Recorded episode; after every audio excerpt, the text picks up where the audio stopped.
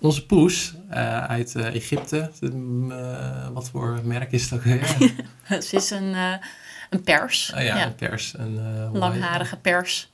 Colorpoint. Colorpoint, ja, ja, ja, klopt. Maar zij heet Sora met een Z. Ja, Zora. Ja, klopt. Ja, je hebt de naam gekozen, toch? Ja, ja, heel nerdy misschien. Maar ik wilde heel graag een naam uit de Legend of Zelda, de videogame-reeks. En uh, ik had allemaal uh, namen, dingen opgezocht daarvan, want ik ben helemaal fan van Zelda.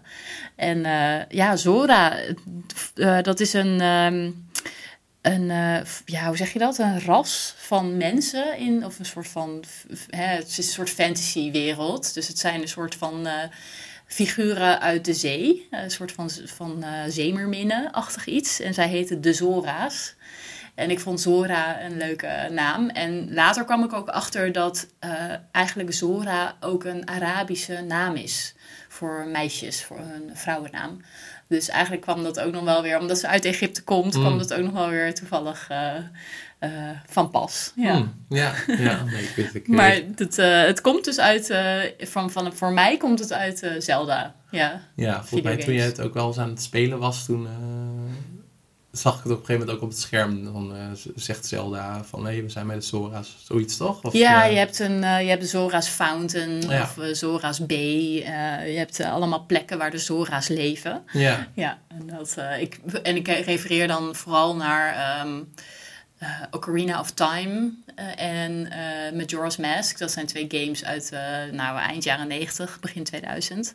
Uh, die speelde ik dan op de Nintendo 64 en dat doe ik nog steeds overigens. Dus ook recent weer gespeeld, want ik heb mijn Nintendo 64 heb ik nog steeds. dus ik vind het nog steeds heel leuk om die games te spelen. Ik heb ook inmiddels al wel weer nieuwere spellen, maar het blijft gewoon heel erg leuk. Ja. Ja, nou cool. We gaan het verder niet hebben over. niet over Zelda, Zora. nee, ook niet over Zora, maar wel over een andere, andere videogames en dingen. Ja. Ja, leuk. Laten we beginnen. Yes.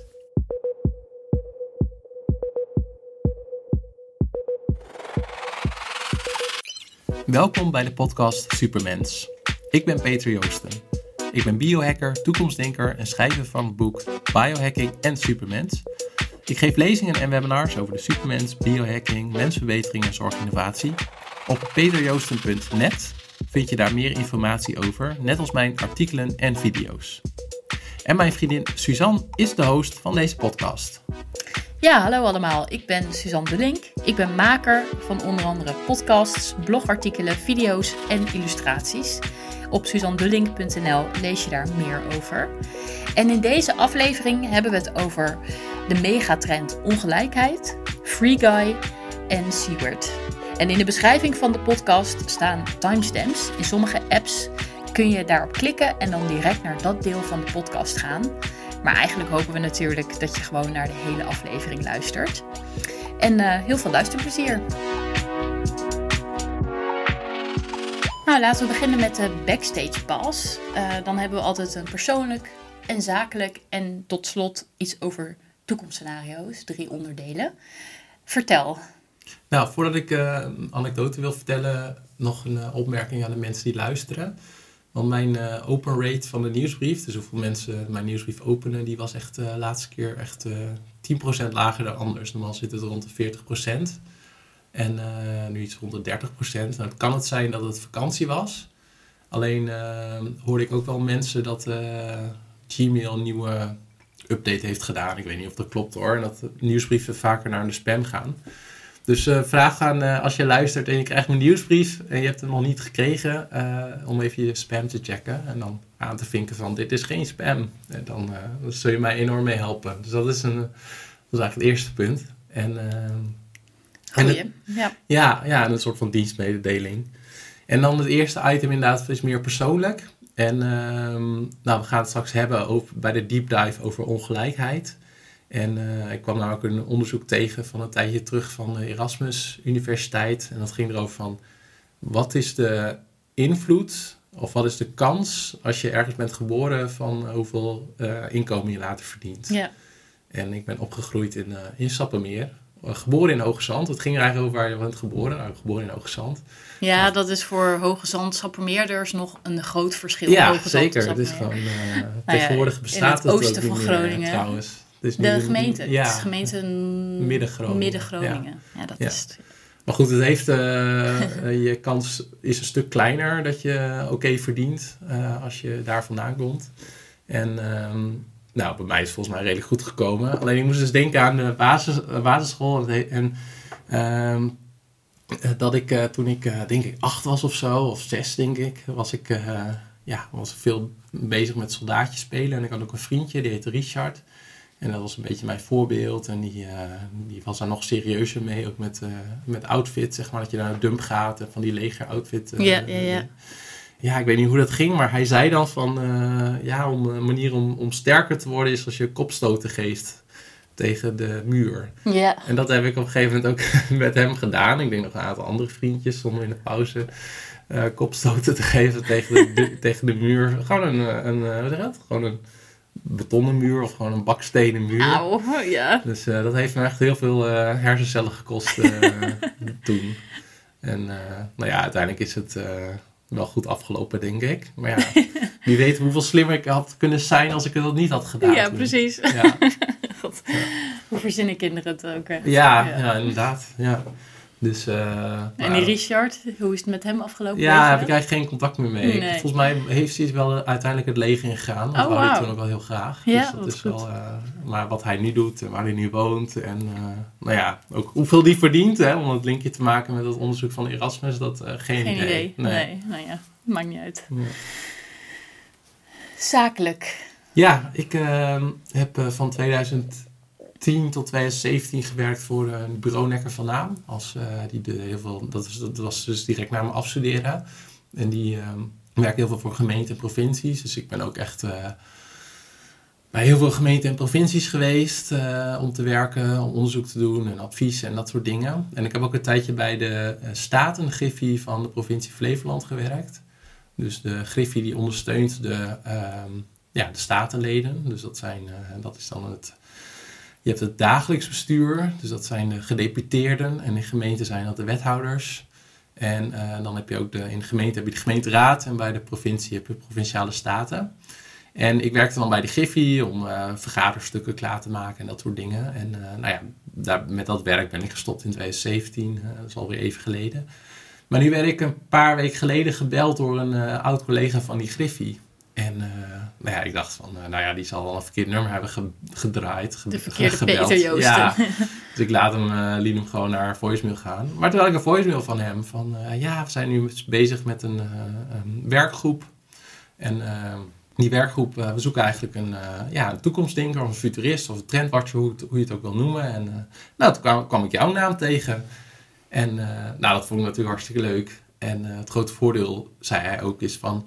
Ja, jij weet wel gewoon wat wij doen en wat die provinciale staten doen. Heel veel van mijn collega's, eh, ja, die hebben daar...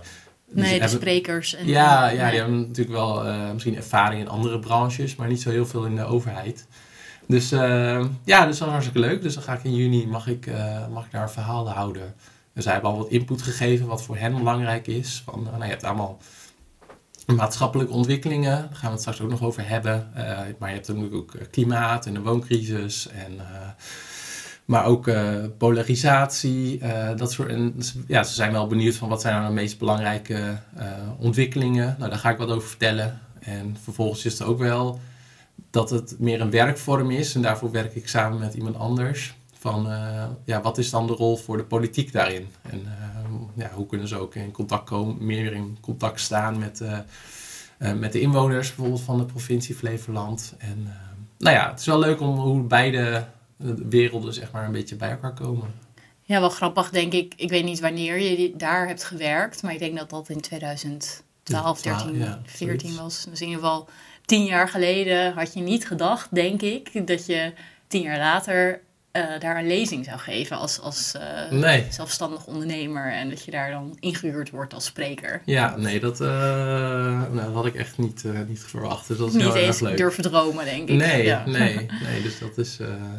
dat is mooi om te zien, die ontwikkeling. En ja, ja, en meer op een persoonlijke noot. Ik denk dat het nu bij het bedrijf Nekker wel anders is, misschien wel wat anders is. Of we zijn ook alweer wat verder. Maar toen uh, ja, droeg ik altijd nette schoenen en een pantalon en een overhemd en zo. En uh, ik was van laatst weer was voor een voorgesprek bij de provincie. Nou, dan kom ik gewoon op mijn gimpen en mijn spijkerbroek. En, ja, ja dat, wel netjes, maar niet ja, meer casual. Ja, meer casual. Ja, dus en dat dat, ook gewoon kan. En Precies, uh, geeft je wel wat meer vrijheid. Of, ja. ja, en ik heb ook wel meer het gevoel dat ik dan mezelf ben dan, dan toen. ja. Ja, sommige mensen vinden het natuurlijk heel leuk om in, elke dag in pak uh, te lopen. Ja, ja, maar ik ben niet zo iemand. Nee, nee. Nou ja, dan is het een extra voordeel. Ja. ja. En tot slot hebben we het ook altijd even over toekomstscenario's. Omdat jij daar uh, ja, eigenlijk actief mee bezig bent en jezelf daar heel erg in wil ontwikkelen. Wat is daar nu weer een ontwikkeling in? Nou, vorig jaar had ik al, hadden we, had ik al gedeeld dat er de pagina online staat. Waarin ik wat meer uh, had geschreven over wat ik doe op het gebied van scenario planning en toekomstscenario's. En uh, ja, de ontwikkeling daarin is dat ik wat meer focus heb aangebracht. Want ik heb wat meer ook gesprekken gevoerd met mensen die dat vaker doen. En uh, eentje was bijvoorbeeld met uh, Alvin en hij doet ook van dit soort trajecten bijvoorbeeld voor de politie. Op een gegeven moment vroeg hij aan mij op basis van het gesprek ook van, ja, wat vind je nou leuker? Echt die workshops begeleiden of meer het schrijven van, of creëren van die toekomstbeelden, toekomstverhalen? En uh, toen zei ik van ja, toch wel dat, dat tweede. Dus echt meer het creëren en maken. Ja, dus zelf een verhaal maken. In plaats van dat je een workshop faciliteert waar anderen een verhaal bedenken of scenario's bedenken. Precies, ja. ja.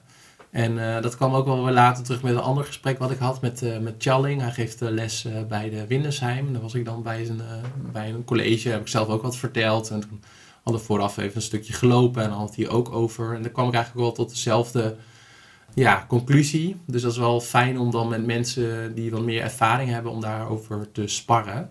En... Ja, slim dat je dat doet. Dat je uh, contact opneemt met mensen die ervaring hebben met toekomstscenario's en uh, daar hun werk in doen. En dat je dan eigenlijk daar weer van leert. In plaats van dat je boeken leest en er zelf gewoon mee aan de slag gaat. Dat ja. is wel een hele slimme tactiek. Ja, ja, ik denk uh, inderdaad, het is uh, een combinatie van ook veel doen. Dus ik doe dat nu in mijn nieuwsbrief uh, maandelijks, een scenario schrijven. Maar inderdaad ook, ja, het versnelt wel mijn leerproces. En ook mijn, die mensen die kunnen daar ook op reflecteren. En zoals Charlie, die kent mij al wat langer. Die kan, die kan dan ook inschatten van hoe past dat ook zoals hij mij kent. En ja. Ja, dus dat heeft wel, eh, wel inzichten opgeleverd van dat ik me echt nog wel meer wil richten en dus ook profileren. Dus ik heb ook die site aangepast. Van, ik doe ook uh, met name ook het uh, maken van die uh, scenario's. Ja. maar dat wil niet zeggen dat ik die workshops nooit meer doe hoor. Want ik denk, dat er is ook wel een, een modus dat dat wel een plek heeft in zo'n traject. Of zoals binnenkort, uh, ik kan me ook voorstellen als ik een, echt een keynote geef, een lezing over uh, toekomstscenario's, dat er misschien ook een interactief onderdeel in zit. Wat ja, dat je ook, een oefening, ook een oefening doet met, uh, met, uh, met het publiek. Precies, ja. ja. Ja, maar meer verweven in, in wat je al doet, binnen lezingen bijvoorbeeld, dan dat je los een nieuwe dienst aanbiedt van workshops, toekomstscenario's. Precies, ja. ja. Dus het, uh, ja, het begint steeds meer uit te kristalliseren waar je naartoe wil met dit werk. Ja. Met dit onderdeel van je werk. Ja, klopt. En dat is uh, leuk om te merken. En het is natuurlijk altijd wel fluide. Want uh, ja, hoe ik er een jaar geleden over dacht, dat was ook wel weer wat anders dan ik uh, uiteindelijk weer nu doe. Dus... Maar dat geldt ook bijvoorbeeld voor je lezingen die je geeft. Ja. En je, hè, je interesse in bepaalde onderwerpen waarbij je bent begonnen met quantified self en ja, meten met wearables en allemaal experimenten die je hebt gedaan op jezelf met voeding en sport en leefstijl, slaap, noem maar op, supplementen. En dat je nu steeds meer gaat richting uh, supermans en, en wat voor impact heeft dat op de maatschappij. En dat je meer gaat richting uh, grote ontwikkelingen zoals ongelijkheid, die bijvoorbeeld ook wel weer bij de supermens ook wel ja. uh, liggen. Dus dat, ontwik blijft zich ook ontwikkelen. Dus dat is ook logisch. Ja. En nu komen de toekomstscenario's erbij. Dat, dat uh, ontwik blijft, ja, je staat niet stil als mens ook. Nee, dus, dat is ook zo, ja. ja. dus dat, uh, en dat is ook wel leuk. Af en toe denk ik ook wel van, uh, Houdt het dan Eh, nooit op? Nou ja, dat ook. Maar ook van het... eh, Is het dan nooit klaar? kan ik ook niet gewoon eh, doen wat ik doe en dat gewoon heel goed doen. Ja, dat, dat klinkt een beetje vaag, maar ik vind het altijd wel weer leuk om nieuwe, nieuwe inhoud te ontdekken en daar weer dan weer een lezing van te maken. Ja, In plaats, dus ik ben wat minder goed in het echt gewoon ja, uitmelken. ding doen en heel Ja. lang doen en gewoon heel goed doen. En- Precies, ja. ja. Ja, Maar ja, dat past ook als je ondernemer bent. Dan zie je altijd wel weer nieuwe mogelijkheden. En wil je ook altijd je wel weer ontwikkelen. En, precies. Ja. Dus dat eh, past denk ik ook meer bij jou als persoon. Ja, ik denk het ook. Dus dat moet ik ook gewoon eh, benutten, die kracht, denk ik. Ja. Ja, denk ik ook. Nou ja, we zullen zien hoe het, Ja. eh, er, hoe het ons zich ontwikkelt. Ja, leuk. Dan gaan we door naar de deep dive. En dan bespreken we wat langer één onderwerp om daar echt even diep in te duiken. Vandaar de term deep dive. Eh, en deze keer gaan we het hebben over een megatrend. Want er zijn meerdere megatrends. Daar kan jij meer over vertellen. En vandaag gaan we het dan hebben over de megatrend ongelijkheid. Klopt. Ja, megatrends zijn eh, ja, lange structurele ontwikkelingen die heel veel invloed hebben op eh, sociale en culturele fenomenen. Of hoe Ja, we in de maatschappij samenleven. Technologie is daar één van. En eh, in ja, heel veel jaren hiervoor heb ik me met name gericht op eh, technologie. Maar ik ben nu wat meer ook aan het richten op die eh, andere soortige megatrends. Nou, andere waar het over is bijvoorbeeld de verstedelijking, eh, vergrijzing. Eh, maar eentje die ook eh, ja, relevant is, is eigenlijk ongelijkheid. En eh, nou, dat is bijvoorbeeld ook een van de vragen die ik kreeg vanuit de provincie Flevoland, waar ik net over vertelde. Van hoe staat het met, eh, met ongelijkheid en eh, wat zijn nou relevante ontwikkelingen daarin? Eh, wordt dat meer of minder? Nou, dat vind ik wel lastig om te zeggen of dat meer of minder wordt. Eh, maar ik, ik heb me voor deze podcast en ook dus voor die, ehm, voor die lezing ben ik me wel wat gaan, meer gaan verdiepen in de ongelijkheid. En dat komt ook al een beetje door twee series die we ook allebei samen hebben gezien. Dus eind vorig jaar, denk ik. De serie Klassen. was ook Ja. op NPO. Documentaire reeks Ja. van een aantal afleveringen ja, over een scho- school of meerdere scholen in Amsterdam Noord. Ja. En hoe verschillend het daar eigenlijk is. Ja. Dat er echt een eh, kloof zit tussen eh, arm en rijk. En ook dat je dat heel duidelijk ziet op de basisschool en dan vooral in groep 8. Ja. Het moment dat kinderen de CITO-toets gaan doen en dan daarna naar de middelbare school gaan. Ja. Mhm. Welke adviezen krijgen, hoe het eh, thuis aan toe gaat. En, Precies. En wat dan eigenlijk ook. Nou ja, het heeft toch wel veel invloed ook op het verloop van, eh, van het hele schooltraject. en dan daarna ook welke opleiding ze kunnen gaan doen. Dus ja, die basisschool en dan het advies wat ze krijgen, heeft toch echt wel veel invloed op de Mhm. rest van het leven. Ja. Ja. Ja, dat was de eerste. En de tweede, je noemde al Kloof, is eh, de serie Sander en de Kloof. Ook, eh, Ja, die hebben we recent gekeken. is een redelijk recente serie. Ja, met. Sander Schimmelpenning. En ja, die, dat focuste zich eh, ja, wat meer op vermogensongelijkheid. Dus je hebt verschillende typen ongelijkheid. Eh, dat eh voor klas gaat ook meer over kansenongelijkheid. maar je hebt ook dus inkomenongelijkheid en vermogenongelijkheid. En wat ik wel interessant vind van ongelijkheid is niet per se slecht of zo. Want je hebt natuurlijk ook goede ongelijkheid. Want dat, nou, dat zorgt ook gewoon dat je in actie komt en dat je jezelf wil verbeteren.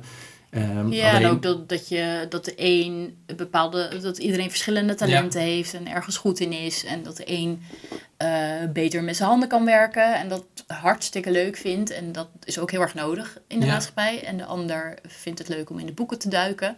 Eh, en dus ja, je hoeft niet allemaal gelijk te zijn in die zin dat je eh, allemaal dezelfde opleiding doet en hetzelfde werk. En Exact. Ja. Ja. Ja, Alleen aan de andere kant heb je dus ook de foute ongelijkheid. Tenminste, dat had ik uit het stuk uit de NRC eh, van vorig jaar.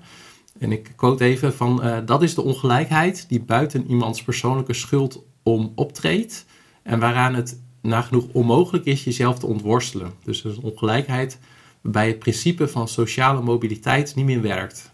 Waarbij de mensen aan de goede kant van de streep zich niet meer bekommeren om die aan de verkeerde kant ervan. Dus dat is natuurlijk eh, ja, eigenlijk wel iets wat je eh, als politiek of als samenleving eh, denk ik wil verminderen. En ehm, nu krijg ik in eerste instantie, volgens mij krijgt eh, Sander Schimmelpenninck ook wel eens dat, die vraag of dat verwijt van waarom is het, waarom zou je het erg vinden als je aan de goede kant van die, van die streep zit. Hè? Aan de, ja, waarom maakt hij zich er ook druk om? Want hij is, komt natuurlijk uit een rijke familie en heeft genoeg geld en een mooie opleiding, mooi werk, noem maar op. Ja. Dus waarom maakt hij zich er nou zo druk om? Ja. En dat is een goede vraag. Ja. ja. Ja, nou dat heeft ermee te maken dat je kan zeggen van nou ja, op een gegeven moment die groep uh, die het slecht heeft, die gaat zich misschien op een gegeven moment uh, in keren tegen de groep welgestelden of in opstand komen. Maar wat ik ook heel boeiend vond was dat, een, dat er een hoogleraar is, is, Wilkinson. En die zegt, heeft eigenlijk onderzoek gedaan dat ook men, landen waar een grotere ongelijkheid is, die scoren ook vaak veel lager op allerlei uh, sociale factoren. En, dus meer corruptie. Ja, ja dus hij, hij zegt bijvoorbeeld... Mensen in ongelijke landen maken zich grotere zorgen over hoe ze door anderen worden gezien.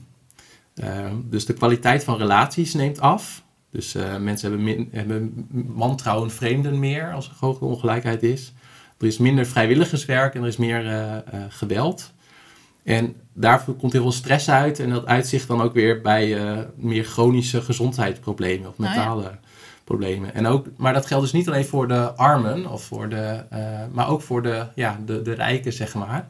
Want die hebben dan ook in dat soort landen meer depressies, meer uh, drugsmisbruik, meer tieners, zwangerschappen, criminaliteit. En hij zegt dus ook ongelijkheid raakt iedereen. Hm. Um, dus ik denk dat het, en het bekendste volgens mij is Amerika, is een heel uh, ongelijk land. Daar heb je dus veel meer van dit soort problemen dan in. Uh, volgens mij scoort Nederland best wel oké, maar er zijn er nog landen die nog beter uh, scoren. Volgens mij Scandinavische, Scandinavische landen vooral. Ja, ja. ja. En ik kwam dat ook tegen in het boek van Behave van Robert Sapolsky, waar we allebei ook wel fan van zijn. En, en die heeft het ook over, over ongelijkheid. Dat uh, culturen met een grotere ongelijkheid hebben ook uh, minder sociaal kapitaal. Dus uh, omdat je voor, ja, omdat dat juist te maken heeft met ja, hoe meer sociaal kapitaal, hoe minder van dat soort ook sociale en culturele problemen je dan hebt. Dus dat, en wat bedoel je met sociaal kapitaal? Ja, volgens mij de, de mate waarin mensen elkaar vertrouwen, met elkaar willen samenwerken, uh, ook vertrouwen in instituties. Ja. Dus uh, ja, dus dat, dat, dat pleit volgens mij allemaal wel voor een soort van, uh, ja, soort van, toch wel proberen te verminderen van die ongelijkheid. En, maar dat is ook gelijk super moeilijk. Ehm, want daarbij kom ik eigenlijk op dat, dat, wat ik vertelde aan het begin van de, van de podcast over dat onderzoek van de Erasmus School of Economics. Die hadden dan uh, CBS-gegevens verzameld van een miljoen Nederlanders tussen de 32 en 38 jaar oud. Die keken dan waar, waar kinderen opgroeiden, geslacht, inkomen van de ouders en migratieachtergrond.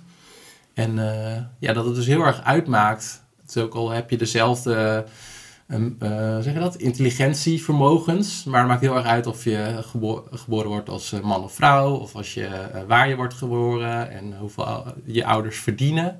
En wat ook wel interessant is, is bijvoorbeeld, uh, dus een aantal dingen kun je wel dingen bij voorstellen, maar wat er ook uitkwam, bijvoorbeeld wie opgroeit in het noorden, zoals in de stad Groningen, die heeft ook een stuk slechtere vooruitzichten dan wie in een even rijk of even arm gezin opgroeide in het zuiden, zoals in uh, Goeree-Overflakkee. Nou ja, ik weet ook niet precies hoe dat komt, maar het is dus, we denken dat Nederland een heel uh, egalitair, is dat het woord, mm heel erg gelijk land is, maar dat het toch al dat we een ongelijke start, uh, zeggen, een ongelijke start hebben. Ja, precies. En dat, dat, dat je daar dus eigenlijk niks aan kan doen. Want ja, je kunt niet kiezen waar je bent geboren. Nee. En dat, dat dat toch al invloed heeft op uh, de kansen die je krijgt in de rest van je leven. Ik bedoel, je kan natuurlijk nog steeds uh, een mooie opleiding doen en werk gaan doen waar je goed in bent en wat goed bij je past. En dat je daar een leuk leven, een goed leven van kan leiden. Maar de kans is kleiner dat dat lukt. En dat je kan ont ontworstelen uit een, uh, uh, ja, uit een uh, gezin met een laag inkomen. En, ja. Dat, ja. en armoede geeft ook heel veel stress natuurlijk. En dan kun je minder op de lange termijn nadenken. Ik heb daar ook wel een goed boek over gelezen. Schaarste heet dat. Ik weet niet meer wie de auteur is. Maar het boek Schaarste en dat gaat volledig over wat schaarste met je doet op het gebied van geld. Geld is een heel belangrijk uh, ding gewoon om genoeg geld te hebben. Dat, dat, dat zorgt echt voor um, nou ja, dat je beter kan nadenken over de toekomst, over je leven, over gezonde keuzes maken. Uh, maar inderdaad ook schaarste op het gebied van voeding. Dat kan ook veel met je lichaam en je stressniveaus doen. Uh, schaarste is echt iets wat, wat, je, ja, wat de mens op fundamenteel niveau uh, ja, raakt. En dat, dat heeft zoveel invloed op je, op je leven en ook op de lange termijn. Ja. Dus dat, ja, en nou ja, goed, ongelijkheid is wel echt iets wat, wat er denk ik, wat denk ik aangepakt moet worden. Maar wat je zegt, dat is wel heel moeilijk. In de serie Sander en de Kloof gaat het vooral om, pleit, pleit Sander vooral om het beter, het uh, meer belasten van de rijken. Dus Ja. dat zij meer belasting betalen, bijvoorbeeld uh, bij erfenissen. Ja. En bij, ook bij, ja, gewoon dat je, als je veel vermogen hebt, wat eigenlijk passief geld is. Dus het als je dat erft van je ouders, maar ook als je veel huizen hebt, bijvoorbeeld, eh, waar je niks voor hoeft te doen eigenlijk. Want je hebt het, je hebt het geluk gehad dat je dat ooit kon kopen Hmm. in een goede tijd waarschijnlijk. Ja. Ehm, heb je daar nu heel veel profijt van? En hij zegt wel van ja, dat is eigenlijk niet eerlijk ten opzichte van werk. Want werk eh, wordt wel heel erg veel belast. En dat is wat mensen dagelijks doen, waar Ja. wat veel tijd en energie kost. Daar hoef, ja, dus het zou veel logischer zijn als het vermogen van mensen, wat redelijk passief is en waar je weinig voor hoeft te doen actief, dat dat eh, meer belast wordt naar in verhouding. Ja. Dat, ja, ook zeker mensen die in de zorg werken en, en ja, van die eh, beroepen doen die essentieel zijn voor de maatschappij, waar we ook wel achter zijn gekomen in coronatijd, dat die wel echt eh, beloond worden naar de belangrijkheid van hun werk. Dat, Ja. ja. ja, daar ben ik het in ieder geval wel heel erg mee eens. ja. Ja, ja, ik ook hoor. En eh, wat ik bij mezelf wel interessant vind, is dat ik eh, eh, bij mezelf dan denk van ja, het is ook wel fijn. Wij wonen dan in een koophuis en... dat hebben we het- ook in een goede tijd Ja. gekocht. En dat is, hebben we ook wel geluk mee dat het nu veel meer waard is geworden. Precies, ja. Eh, dus je doet ook wel mee met het systeem. En daar ontkom je bijna ook niet aan. Nee, nee, dus het is wel, denk ik, dat je eh, het systeem moet, dat de politiek eh, het systeem moet veranderen, Ik denk ja. dat je niet, niet van individuen zoals wij of iemand anders kan verwachten. Nee, dat je nu een heel lage prijs voor je huis gaat vragen als je je huis gaat verkopen. Nou. Zodat er een gezin in kan komen of mensen in kunnen komen die dit kunnen betalen dan. Ja, Ja, je gaat wel mee met de marktwaarde. Want dat, ja, dat, Ja. dat moet je wel, want je moet ook weer een nieuw huis kopen. ja, Maar inderdaad, het, het systeem zou anders moeten zijn. ja, ja, dus wat dat betreft vind ik het wel... eh, Nou ja, dan kom je ook toch weer bij de rol van de politiek. Ja, ja. Ja. dus eh, ik- en dat, dat vind ik op zich nog wel spannend hoor. Van, eh, want eh, dan hebben we het weer een beetje meer over mijn werk. Maar kijk, hoe, hoe we dat inderdaad in het nu en in de toekomst willen aanpakken, dat is een politieke vraag. En uiteindelijk is Ja. mijn sessie, wil ik niet dat er een politieke discussie ontstaat. Waarin iemand Nee, van de SP precies. zegt van, eh, ja Peter, je hebt helemaal gelijk en we moeten Dit en dit eh, doen. dit. En ja. eh, iemand van de VVD, eh, om even een ander spectrum, die zegt dat. maar goed, volgens mij nee, dan staan ze gaat daar te veel op de inhoud. Ja, maar volgens mij staan ze daar ook wel open voor hoor, in die sessie. Maar goed, we zullen zien hoe dat gaat. Ik, in mijn werk, dus bij Nekker, weet ik wel hoe politici zijn. En, eh, maar ik heb ook al veel ervaring met eh, allerlei verschillende groepen. Dus ik denk dat dat wel losloopt. Alleen ja, het is een. eh, het is uiteindelijk dus wat het grootste inzicht wat ik dus heb gekregen. Is de eerste is van. Nederland is relatief best wel een gelijk land ten opzichte van andere landen. Maar ook We al zijn echt er nog lang we niet. zijn nog lang niet. Als je de serie klassen ziet. En eh, als je bijvoorbeeld dan ook naar Sander in de Kloof kijkt. Van, eh, eh, vind ik het heel knap dat hij vanuit zijn bevoorrechte positie ook zo'n... hij doet dat al veel langer volgens mij ook in columns en zo. Ja. Dat hij daar tegen ageert, tegen die ongelijkheid. Maar inderdaad, van wat, wat is ook het...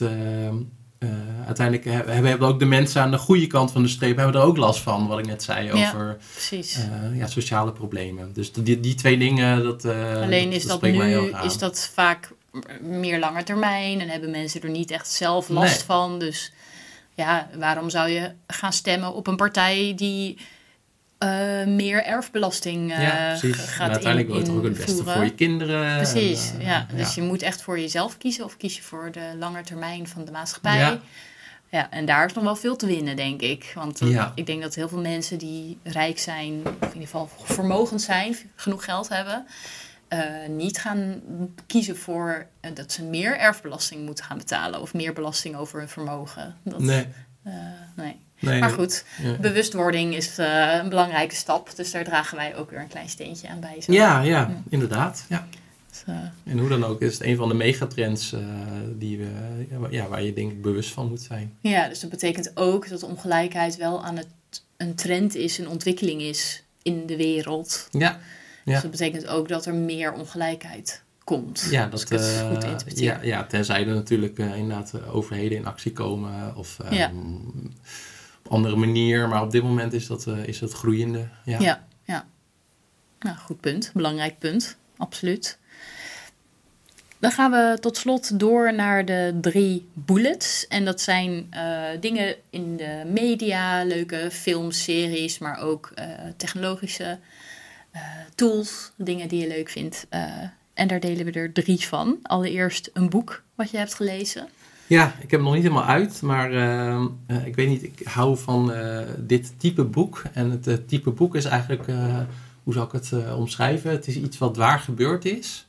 En het heeft wel vaak te maken met bedrijfsleven of, of politiek of zo. Dus ik vond een eerder boek wat ik een keer heb getipt is Bad Blood over Theranos, een Amerikaans bedrijf. En daar is nu ook een, trouwens ook een serie over, die moet ik nog kijken. Dus misschien dat ik die binnenkort tip. Maar dit is het eh, boek eh Seward's Miljoenen. Naar Seward van Linden. Ja, uiteraard. We kennen hem allemaal, ja, denk ik. ja, we kennen hem allemaal. En ik heb, er is ook al, heel, ook al een beetje, of heel veel over bekend hoe dat is gegaan. Maar de, de auteur of journalist van Follow the Money, die hebben daar dus een boek over geschreven. Dat heet dus Seward's Miljoenen. En ja, wanneer, wanneer is dat uitgekomen?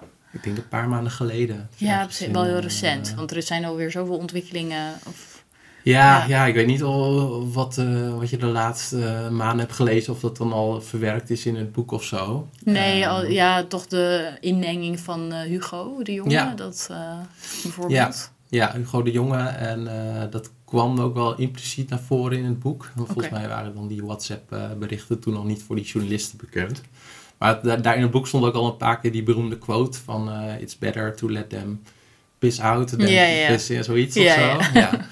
En ehm, ja, het is gewoon... Het, het eh, boek leest heel erg lekker weg. En eh, ja, ik vind dit soort verhalen dus echt eh, fascinerend. Ehm, ook wel van hoe heeft het zo mis kunnen gaan... Ja. Maar eigenlijk is het toch wel dat ik denk, wat een enorme boef is die Seward. Maar ook zijn twee compagnonnen, Bernd Damme en eh, Camille van Gestel. Die hebben zich er echt enorm op, in, eh, op ingebluft. Ehm, en die hebben dus ook, zeker Seward vriendinnen, enorm zijn politieke connecties gebruikt. En eh, eh, zijn macht op Twitter heeft hij uiteindelijk ingezet. En Want Uit- hij zag er gewoon echt een verdienmodel in. ja, hij zag erop. En eh, hij was toen ambtenaar voor de gemeente Amsterdam. En hij zat in de ziektewet. En in- volgens mij, ja, ik denk wel dat het ergens goed is begonnen hoor. Dat hij wel een soort van. en Ja. toen kwamen ze eigenlijk achter door. ja, in het boek wordt dat beter uitgelegd. Door, in- ze deden zeg maar een soort van onvoorziene kosten opstellen van zoveel procent. En eh, in hun eerste deal van een paar duizend, tienduizend euro's of zo. Ja, kregen ze, eh, hoefden ze dan niet aan te spreken. Dus als in één keer al 10.000 euro. En volgens mij is het toen een beetje in hun hoofd van... hé, hey, misschien kunnen we hier wel, eh, wel rijk van worden. Ja, ja, ja. En toen hebben ze dus op een gegeven moment... ja, via een omweg... want ze, eerst deden, ze, deed de overheid alles via zo'n cent consortia... En toen, toen zijn ze daar ook nog weggeschold. Maar toen later is, is hij toch weer via zijn politieke connecties daar weer bij een minister binnengekomen. En eh, nou, binnen het consortium waren ze daar absoluut niet mee eens, eh, die deal. Maar toen is toen die deal van... eh, Ja, die miljoenen deal. ja, die miljoenen deal. Maar wat, wat ik dus niet helemaal scherp had, is, dat, dat ze toen echt geld zagen. En dat ze toen nog een keer een ander type zeiden van de hele samenleving moet zo'n mondkapje hebben. En toen hebben ze dat nog een keer geprobeerd. En toen zijn ze dus ook een webshop gaan eh, begonnen met allerlei Ja, ja. andere deals, eh, dingen. En daar deden ze heel erg naar buiten toe van eh, wij zijn de, een goede doel zonder winst. En op een gegeven moment, en het bedrijf kreeg gewoon een factuur van die BV, waar dus een heel groot deel ook naar die drie compagnons zeg maar ging. Dus weet je, natuurlijk bij de overheid zijn heel veel dingen bij VWS, eh, heel veel dingen fout gegaan. Maar ik, ik heb toch ook wel het gevoel van, hoe kunnen die drie mannen nou met zichzelf le- leven Ja, als je dat zo ja. leest? Echt, eh, ja. Inderdaad, echt ook wel over de ruggen van mensen die ziek zijn geworden. Ja. Hè? en dat de, uiteindelijk de materialen ook niet eens goed, goed bleken Nee, te zijn. nee, dus klopt, het ja. was niet eens bruikbaar. Ja, dat je wel denkt van eh, de mensen in de zorg, die, die verdienen een mager loontje. Eh, die werken keihard. Die, zeker in die coronatijd, dat was echt heftig. Eh, ik heb toevallig zelf ook nog eh, in, een beetje in die hoek eh, gewerkt. Niet in de zorg, maar wel in, in de communicatie rondom werken in de zorg. Maar dat, ehm, ja, dat, dat zij hier dan miljoenen mee hebben verdiend met een beetje achterbakse eh, vriendjespolitiek, dat is bizar. ja, ja. dus eh, ja, als je een boek wil lezen waar je af en toe even lekker over kan opwinden, dat Ja, ja, eh, dan, eh, Hate eh, reading. ja, hate reading, dan eh, ja, is dit wel aanrader. En lees gewoon, ik lees altijd wel boeken door elkaar, dus ik heb ook eh, nu, ik lees nu drie boeken en twee daarvan die zijn wat inhoudelijker. Maar dan, zeg maar voor het slapen gaan, dan eh, wil ik gewoon even wat lichters en dan ga ik die, ga ik die Seward eh, miljoenen lezen. Ja, precies. Ja. En dan heb je ook een tool of tech die je wil delen met ons. Ja, sinds eh, denk anderhalf jaar heb ik een accountability partner. En jij bent het niet. Nee. mijn gewone partner. Ehm, maar dat is een concept uit het boek eh, Grip van Rick Pastoor. En eh, wat ik eigenlijk doe is, ik heb wekelijks een videocall met Thijs. En Thijs die, eh, ehm, ja, die, die, die, doet in een soort, die zit in een soortgelijke branche, maar die, heeft, die is wel gewoon in loonies, zeg maar. Maar wat wel aardig, dus dat helpt wel. Dus dat je ook eh, Hij snapt wel wat jij doet. ja, ja dat, dat, dat, werk dat wil ik en- eigenlijk zeggen. ja. Ja. Ja. En wat dus wel leuk is, is dat we gewoon eh, een vaste set aan vragen hebben die we aan elkaar stellen. En ik heb dus een aantal vragen waarvan ik dus wil dat Thijs die aan mij stelt elke week en andersom. En we hebben daar dus een half uur voor. Dus een kwartier voor Thijs en een kwartier voor mij. En we wisselen ook om. De even week eh, begint hij en oneven ik. En ja, dat werkt gewoon heel erg goed. Ehm, want het is eh, het grootste voordeel, en daarom heet het ook accountability, is als ik bijvoorbeeld tegen hem zeg van nou, volgende week heb ik, eh, moet ik die pagina op mijn website aanpakken, heb ik helemaal geen zin in. Maar het wer- werkt gewoon als ik het tegen hem uitspreek, dat hij dan, eh, ja, Ja, je weet gewoon dat hij er volgende week Ja. weer naar vraagt. En dan, ja, als je dan zegt van, nou, ik heb het niet gedaan. Nou Ja. ja, het kan wel een week, maar als je dat die week daarna toch, weer niet. Ja. ja, ja, dus dat helpt. En de andere helpt is dat hij juist ook in de vragen die hij aan mij stelt. En bij mij is een van de vragen, behalve van wat ging er goed en niet goed, ook van eh, heb ik eh, genoeg nee gezegd en eh, genoeg tijd ook met het gezin doorgebracht. Dat zijn dus door elke week dat soort type vragen te stellen. En hij heeft ook een vraag aan mij van hoe word ik Nederlands beste spreker. Dan blijft wel elke week zeg maar die reminder en blijf ik gewoon elke keer blijf je, houd, houd je scherp. ja, en blijf ik gewoon stappen zetten op, op die doelen en eh, aandachtspunten. Dus eh, het is wel, eh, ja, want het boek Grip, ja, vond ik gewoon een goed boek. Ehm, heel veel dingen kende ik ook wel, maar ook wel gewoon een goed boek. Eh, maar juist die accountability partner had ik toen gelezen en dacht ik van ja, het is ook, ik vind het ook wel spannend en veel gedoe. Ja, het kost Eh, ook best zoveel tijd. Je moet ja. elke week met iemand gaan zitten daarvoor. Precies. Iemand moet daar ook zin in hebben met ja, jou. En, Dus ik moest ook, ook eh, wel, ga ik iemand vragen. en iemand eh, vinden die goed bij je past. Precies, ja, ja. Maar al met al vind ik het echt wel waard. Dus eh, ja, de accountability partner is de... Ja, het is niet echt En hoe vind je nou, als tip voor de, de luisteraar, hoe vind je nou een goede accountability partner? Hoe heb jij dat gedaan? Heb je, kende je Thijs al? Ik Eh, kende heb hem je al. gevraagd van, nou, heel random, van nou... eh, Ja, ja, eigenlijk wel. Het, het was wel mijn schat, inschatting van... Oh, het is wel iemand... Hè, niet, niet zeg maar een, een vriend die ik al ken vanaf van de basisschool of zo. Dus hij stond ook wel wat verder vanaf. Want een soort van kennis, maar wel in hetzelfde domein. En eh, qua karakter schat ik hem ook wel in van iemand die daar wel voor open staat. En dat is eigenlijk de reden geweest. Oh, ik heb trouwens eerst nog Maarten, eh, Maarten de Braber. Die, eh, daarvan wist ik al dat hij accountability partner had. Dus die had ik eerst ook gevraagd van... Goh, heb jij iemand in je omgeving nog gehoord van iemand die een accountability partner zoekt? oh ja. Eh, maar die kende toen niemand. En toen had ik de stoute schoenen aangetrokken en Thijs gevraagd. En die zei toen op dat moment van... Hé, hey, ja, ik zat er ook al een beetje over na te denken. Dus dat kwam eigenlijk wel heel, heel goed uit. Ja, precies. Dus durf gewoon iemand Ja. te vragen waarvan je denkt... hé, hey, dat zou wel een goede match zijn. Kan Ja. ook een collega zijn die net wat verder van je afstaat misschien. Zodat je niet eh, heel erg in elkaars vaarwater zit Nee. of zo. En eh, jullie hebben het volgens mij ook eerst gewoon een tijdje uitgeprobeerd. Een paar maanden of een paar klopt. weken. Dat is ook wel een goede tip. Gewoon om eens Ja. te kijken van, past het? En, en no offense als het niet lukt. Geen, nog steeds prima. We gaan gewoon rustig uit elkaar dan. Ja. Maar dat je dan uh, gewoon eens even een paar weken probeert uh, of het uh, een match is. Maar Ja. jullie zijn nu al anderhalf jaar bezig en het, nou ja, het bevalt goed volgens mij. valt goed. Ja, toen eh, met de geboorte van Hidde ben ik er even uit, eh, uit de Zuid geweest. Maar voor de rest, eh, ja, still going strong. Ja, mooi. Leuk. Ja. Goeie tip. Ja. En dus ook trouwens als afsluiter daarvan eh, voor mensen in loondienst. Dus het is niet Hmm. alleen iets voor ondernemers, maar ook Nee. juist hè, als je behoefte hebt aan eh, stok achter de deur, ook in je, ja, gewoon in je dagelijkse werk, je privéleven, dan Ja. kan het heel erg helpen. Ja, precies. Ja. goed dat je zegt van privéleven. Want het is bij mij inderdaad ook niet alleen maar werk, maar ook, eh, ja... Ja, persoonlijke doelen en dingen. Ja. Ja, dus zeker een tip. En tot slot een leuke film Ja, die we allebei hebben gezien, los van elkaar ja trouwens. los van elkaar, ja. Ja. Ja. Dat is de film eh, Free Guy Ja, Free Guy. Ja. met eh, Ryan Reynolds. En ehm, ja, ik denk dat die uit 2021 is. Ja, ik, het- ja, ik heb hem in de bioscoop gezien vorig jaar, vorige zomer. Dus toen was hij net uit. Ja, Ja. Nou ja, als je deze podcast luistert, ben je wel enigszins denk ik, geïnteresseerd in ook, eh, technologie. En deze film gaat over een non-playing character.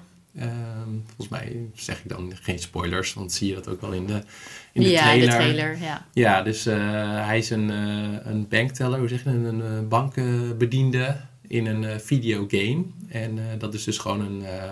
dus je hebt allemaal spelers, weet ik veel. Net als in Fortnite heb je allemaal mensen... karakters die worden bestuurd door, door mensen. En maar dan heb je ook... Ik weet niet eens wat het Fortnite is. Heb je ook mensen... ja, volgens mij wel. al- algoritmische... eh, dus, ja, gewoon, computer, gewoon eh, computerpoppetjes die, Ja. die een rol hebben in een game. Ja, ja, dus dat had je ook. weet ik wat voor games speelde ik vroeger? Lara Croft, Tomb Raider. Heb je natuurlijk ook al die andere figuren die. ja, zo'n butler. ja, ja, die al. maar goed, hij is dan ook zo iemand in, in, in, in, in die game. En ja, dat ik, vond, ik vond het heel grappig omdat er heel veel referenties waren aan naar, naar games, naar eh, dingetjes in games. En eh, bijvoorbeeld dat een andere eh, karakter in de game. die was nog niet helemaal af. Dus die riep op een gegeven moment placeholder, placeholder of zo. Van dat de programmeurs hè, placeholder hadden van daar moet nog een tekst of zo. Ja, ja. Nou ja, dan, allemaal dat soort kleine en ja, ik vond ook de, de stunts en de special effects vond ik ook leuk. Ja. En eh, het is wel, ja, niet heel diepgravend, maar ik vond het wel heel onderhoudend en eh, grappig. Ja. Ja, waar ik aan moest denken is dat het een soort van Matrix on steroids is of zo. Dus het is eigenlijk, dus- hij wordt zich dus bewust van het feit dat hij in een game zit. Dat, Ja. dat kun, je, kun je wel zeggen. En eh, hè, dat hij erachter komt van, hé, hey, ik leef in een, in een virtuele wereld. Dus eigenlijk is dat een soort van Matrix-achtig idee, dat je eh, bewust wordt van het feit dat je in een, in een virtuele wereld leeft. Maar dan is het echt met allemaal stunts en met hele grappige dingen erin. En soms een beetje over de top en meer een soort van avonturenverhaal is het. Eh, veel minder serieus dan de Matrix, zeg maar. Hm. Dus dat, eh, in ieder geval als je het echt hebt over Matrix 1. Ja, Want de laatste Matrix-film, die hebben wij ook in de bioscoop gezien recent. En die gaat toevallig ook over een videogame. Hm. Eh, en die is wat meer grap, wat, wat luchtiger, wat meer grapjes 1, zitten ja. erin en zo. Maar eh, dat, eh, ja, het is, het is echt een leuke actiefilm. echt vermakelijk en onderhoudend. En ja, leuk om te kijken. ja. Ja, en er zitten dus ook wel wat dingen in om over na te denken. Ja, Ja, over ook vrije wil. En, nou ja, ja, precies. Ja. Ja. inderdaad. Leuk. Bedankt voor het luisteren. Supermens wordt gemaakt door mij, host Suzanne Dulink, en Peter Joosten. En Laslo Versteeg doet de productie. De show notes staan bij de beschrijving zelf, inclusief de timestamps. Dan kun je naar een onderdeel gaan waar je direct heen wil. En op peterjoosten.net vind je alles over Peter zijn lezingen, webinars, de tweewekelijkse nieuwsbrief, blogartikelen en boeken. En tot de volgende aflevering.